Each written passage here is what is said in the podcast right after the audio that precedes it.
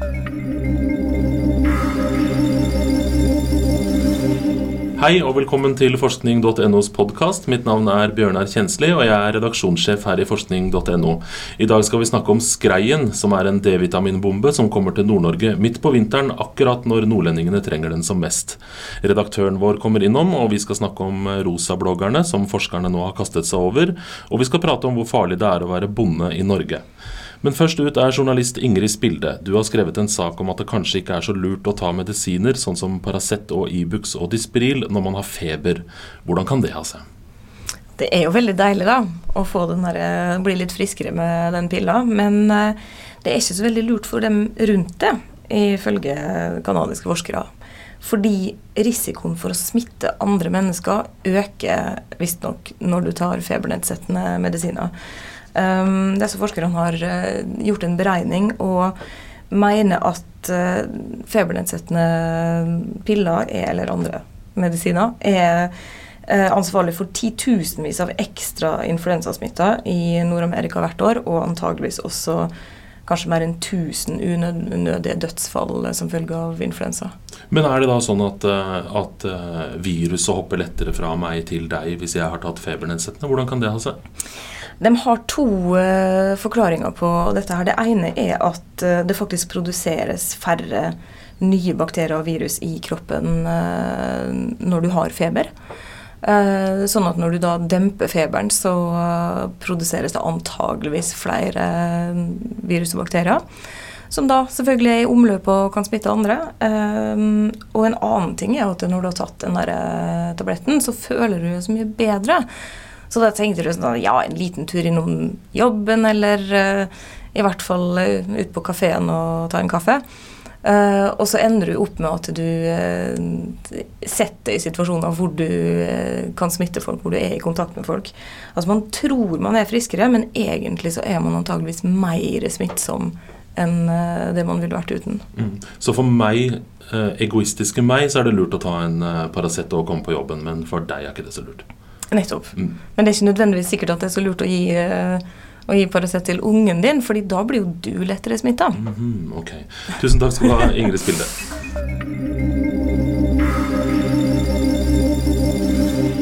Skreisesongen er her og varer til uti mars. Eh, skreimølje er en populær variant av torskemiddag. og Nå viser det seg at denne middagsretten også kan redde oss fra et vitaminfattig vinterliv uten sol. Journalist Ida Kvittingen, hva er skreimølje, og hvorfor er det så sunt? Skreimølje er fiskekjøtt, lever og rogn fra torskefisken skrei. Og Det er en rett som spises mest i Nord-Norge. Nå har forskerne funnet ut at den inneholder veldig mye D-vitamin, Faktisk gir bare én middag med skreimølje deg tolv anbefalte døgndoser med D-vitamin. Og D-vitamin vet vi jo er viktig, eh, særlig nå når det er mørk vinter og lite sol. Eh, og dette gjelder jo da særlig i Nord-Norge, der det er eh, mørketid. Det er jo nettopp de som bor i Nord-Norge som spiser mest skreimølje. Det er de godt voksne som spiser mest, mens det er ikke fullt så populært blant de unge. Hvorfor er D-vitamin så viktig, egentlig? Det er viktig både for beinhelse og for muskelstyrke. Hvordan fant forskerne ut at eh, skreimølja har så mye D-vitaminer i seg, eller gir folk så mye D-vitaminer?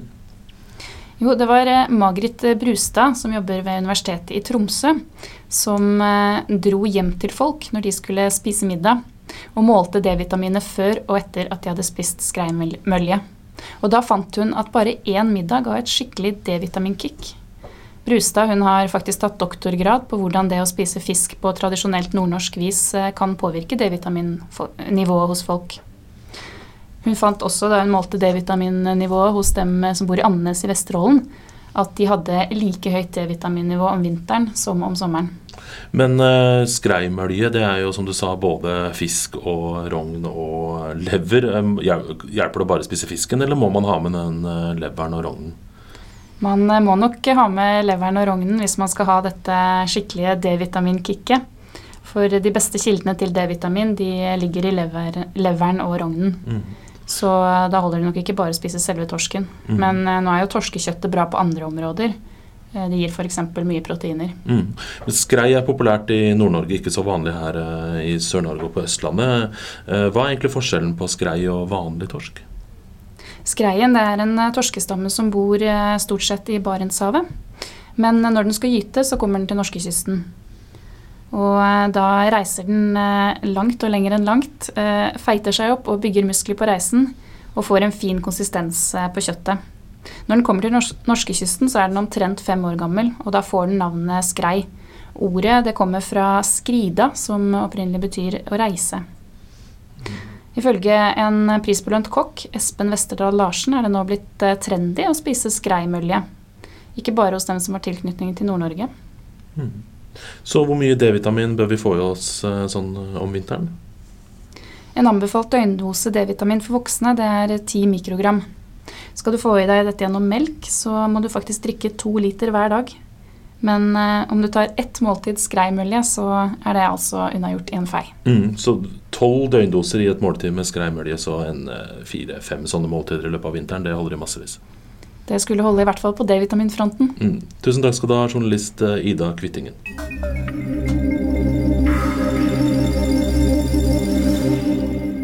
Velkommen tilbake, Ingrid Spilde. Eh, det å være bonde er et krevende yrke. Man driver høyt og lavt eh, til alle døgnets tider med dyr og store maskiner. Er det farlig å være bonde i Norge?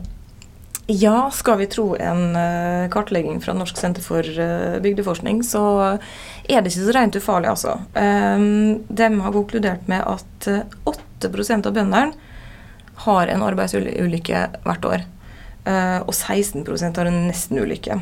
Og dette går ikke bare utover bøndene, det går utover familien også. Så andre familiemedlemmer som barn og ektefeller kan også være utsatt for ulykker. Hva er det som er farlig på gården? Alt mulig, eh, skal man tro eh, disse forskerne. Altså, Bøndene er jo i kontakt med mye tungt utstyr. Det er traktorer og skurtreskere og motorsager og stiger og også kjemikalier, som eh, ikke nødvendigvis er så veldig helsebringende. Men den aller største trusselen for norske bønder, det er faktisk dyr. Eh, det er sånn at uh, hver fjerde ulykke som rammer bøndene, er, altså er, under arbeid med dyr. Og faktisk halvparten av ulykkene som rammer barna på gården, uh, er også med dyr i hovedrollen. Er det kuer, da, eller først og fremst? Først og fremst mm. kyr og okser. Mm. Hva slags ulykker er det vi snakker om da? Hva er det ja, det er, Ifølge forskningen så er det ofte hender og føtter det går utover. Um, men det kan f.eks. være klemulykker. Det er ikke helt uvanlig at uh, i disse nye melkerobotene at uh, bonden rett og slett kan komme i klem mellom kua og maskina. Og det er mye, mange kilo dyr på den ene sida og har maskin på den andre sida, så kan man jo tenke seg. Jeg har sett at uh, i den studien så står det at forholdene har blitt verre de siste 30 åra. De gjorde en sånn undersøkelse på 80-tallet også. har forskerne noen mening om hvordan det kan ha blitt verre nå? Ja, Det er jo ikke så godt å si, men uh, de vet i hvert fall at uh, nå så sier to av tre bønder at de må arbeide selv om de er syke. Så det kan hende at man da er litt redusert og mindre oppmerksom. Og så er antageligvis bøndene i dag mer alene om arbeidet. Og det kan kanskje være fristende å ta det sjøl enn å vente til du får tak i noen som kan hjelpe deg med det. Og de har jo tidspress og veldig mange forskjellige oppgaver og potensiell risiko nesten overalt. Mm.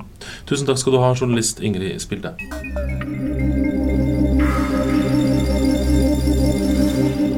Rosabloggerne er unge jenter som blogger om klær og sminke og leses av tusenvis hver dag. Nå har en forsker fra Høgskolen i Lillehammer sett nærmere på fenomenet, og redaktør Nina Kristiansen, hva er det forskeren har gjort, og hva har hun funnet ut?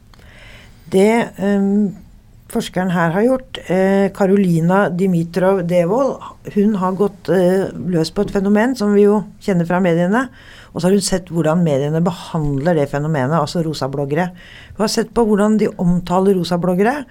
Eh, om de omtaler dem negativt, eller de, eh, ja, hvilke synspunkter de har på dem. Og så har hun i tillegg intervjua rosabloggerne sjøl, jenter fra alderen 15 til 18 år.